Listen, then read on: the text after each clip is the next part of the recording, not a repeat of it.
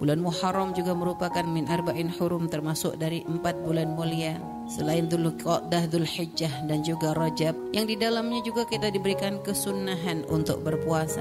Bahkan Nabi mengisyaratkan bahwa puasa di bulan Muharram itu puasa yang paling baik setelah Ramadan adalah puasa di bulan Muharram. Menunjukkan ada keistimewaan. Dan juga di bulan Muharram ada yang spesial yaitu hari tanggal 10 Muharram yang merupakan hari istimewa. Nabi pun memerintahkan kita untuk berpuasa di hari tersebut.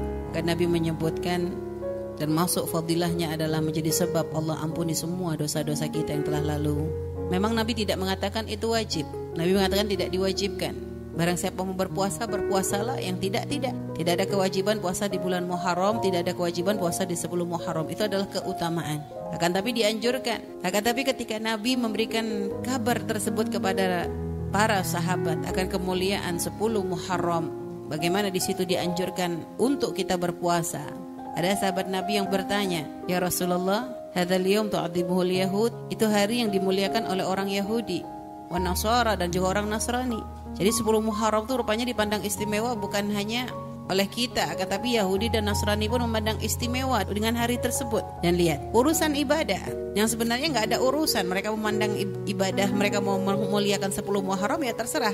Karena yang jelas 10 Muharram memang ada keistimewaan di dalam agama kita.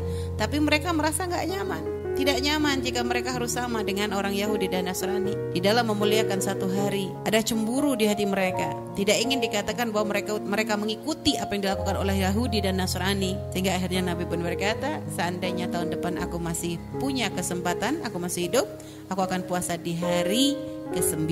Ada menunjukkan kenapa untuk mukhalafatul Yahud agar kita berbeda dengan mereka. Bahkan Abdullah bin Abbas mengatakan, ada riwayat lain mengatakan sumu yaum Asyura wa sumu yauman qablahu yauman ba'dahu. Berpuasalah di hari Asyura, lalu berpuasalah sehari sebelumnya dan sehari sesudahnya. Jadi Nabi memberi isyarat berpuasa sehari sebelumnya dan sehari sesudahnya. Sehingga kesunahan dalam bulan Muharram itu adalah paling bagusnya kalau mampu puasa satu bulan, berpuasalah satu bulan karena ada kesunahan. Setelah itu apa? Kalau ternyata sebulan nggak kuat, ya sudahlah. Minimal ambil pada tanggal 9, 10 dan 11. 9, 9 10, 11 nggak kuat, ya sudah ambillah 9 dan 10 atau 10 dan 11. Nggak bisa juga tiga hari ya sudah berpuasalah di hari Ashura. Artinya ada keringanan dan kebaikan nggak hanya puasa. Maka ayo kita isi hari-hari tersebut dengan hal-hal mulia. Memperbanyak sodaka, sambung silaturahmi dan sebagainya. Tujuannya ya ibarat gini, masang jaring yang banyak. Kita nggak tahu nanti jaring mana yang akan nangkep, yang bisa nang apa dapat ikan. Nah seperti itulah dalam melakukan amal baik, jangan pilih-pilih. Selagi di situ ada pintu kebaikan masuki.